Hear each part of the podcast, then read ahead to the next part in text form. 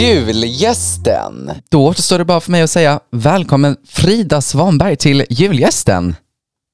Tack så mycket. Vad roligt att vara här. Ja, men så kul att ha dig här. Eh, Du ligger ju bakom både bloggen och Instagramkontot Fridas vegobak.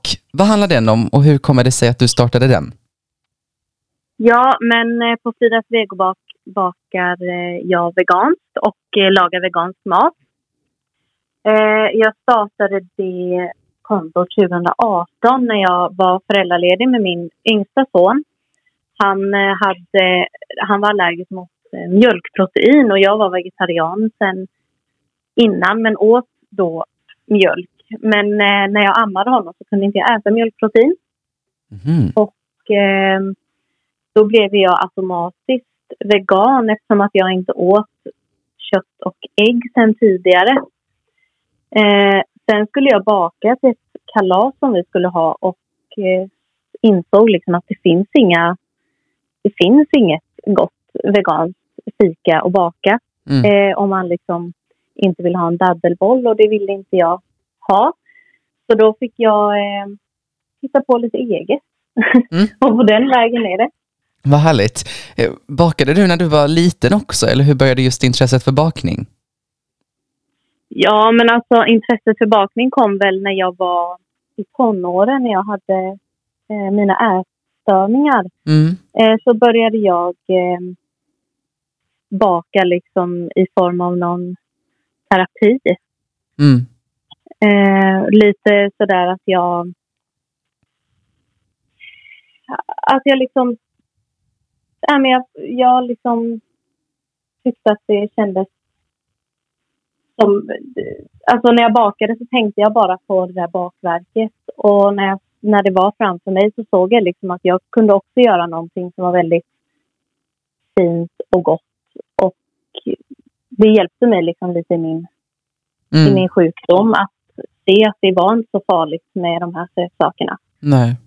Jag läste också någonstans att bakning blev en räddning för dig. Har det lite med din kanske ätstörning att göra? Ja, precis. Mm. Det var lite så att Mm. eh, jag bakade ju helt otroligt Mm. mycket där ett tag. Men Mm. då var det inte vegan, för då var jag inte själv Okej. eh, vegan.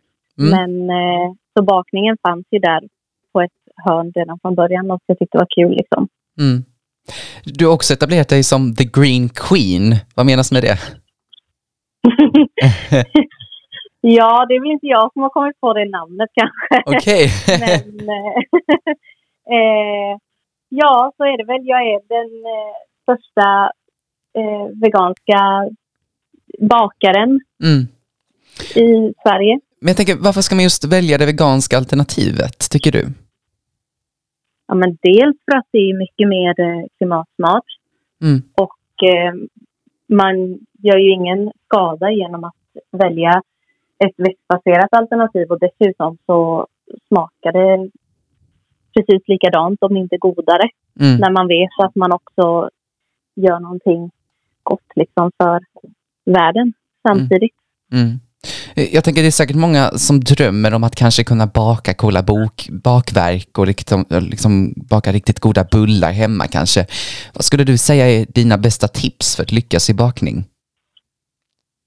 Ja, men när det kommer till eh, vegansk bakning så eh, behöver man ha eh, kikärtsspad hemma. Och det är ju det här spadet som finns i konserverade kikärtor Mm. som man kan köpa i Tetra Pak. Det använder jag som ägg. Så det vispar jag med socker, precis som man gör med ägg och socker. Så får man en fluffig kaka.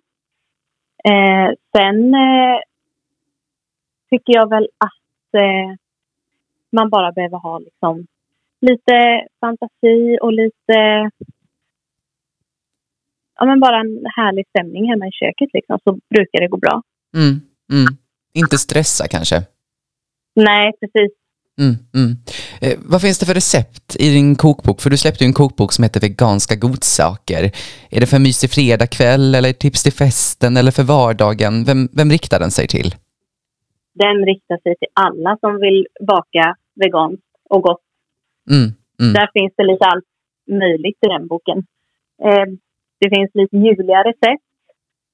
Och det finns eh, kakor för sommar och det finns kakor för kalas och för mysfikat hemma på fredagen. Vad härligt.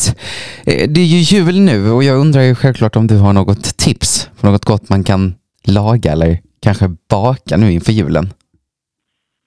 Jag gillar ju saffran. Så på julen så bakar jag alltid saffransbullar med eh, vanilj och mandelmassa i fyllningen. Eh, sen så har jag också i min bok ett recept på en kladdkaka med en julig touch. Eh, i, eh, det är ett chokladlager liksom som eh, smakar jättemycket av kardemumma och kanel och nejlika och lite apelsin. Okej, det låter riktigt, riktigt gott. Eh, Jag tänker om man vill baka dina recept då så kan man eh, köpa kokboken då, Veganska godsaker.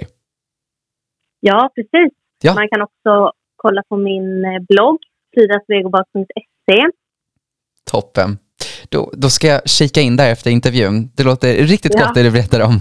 Du, tusen tack för att du ställde upp på en intervju. Tack själv. Ja men absolut, och så önskar jag dig stort lycka till i ditt fortsatta arbete. Ja, tack detsamma. Ha det Tack. bra nu. Ha det bra, hej då.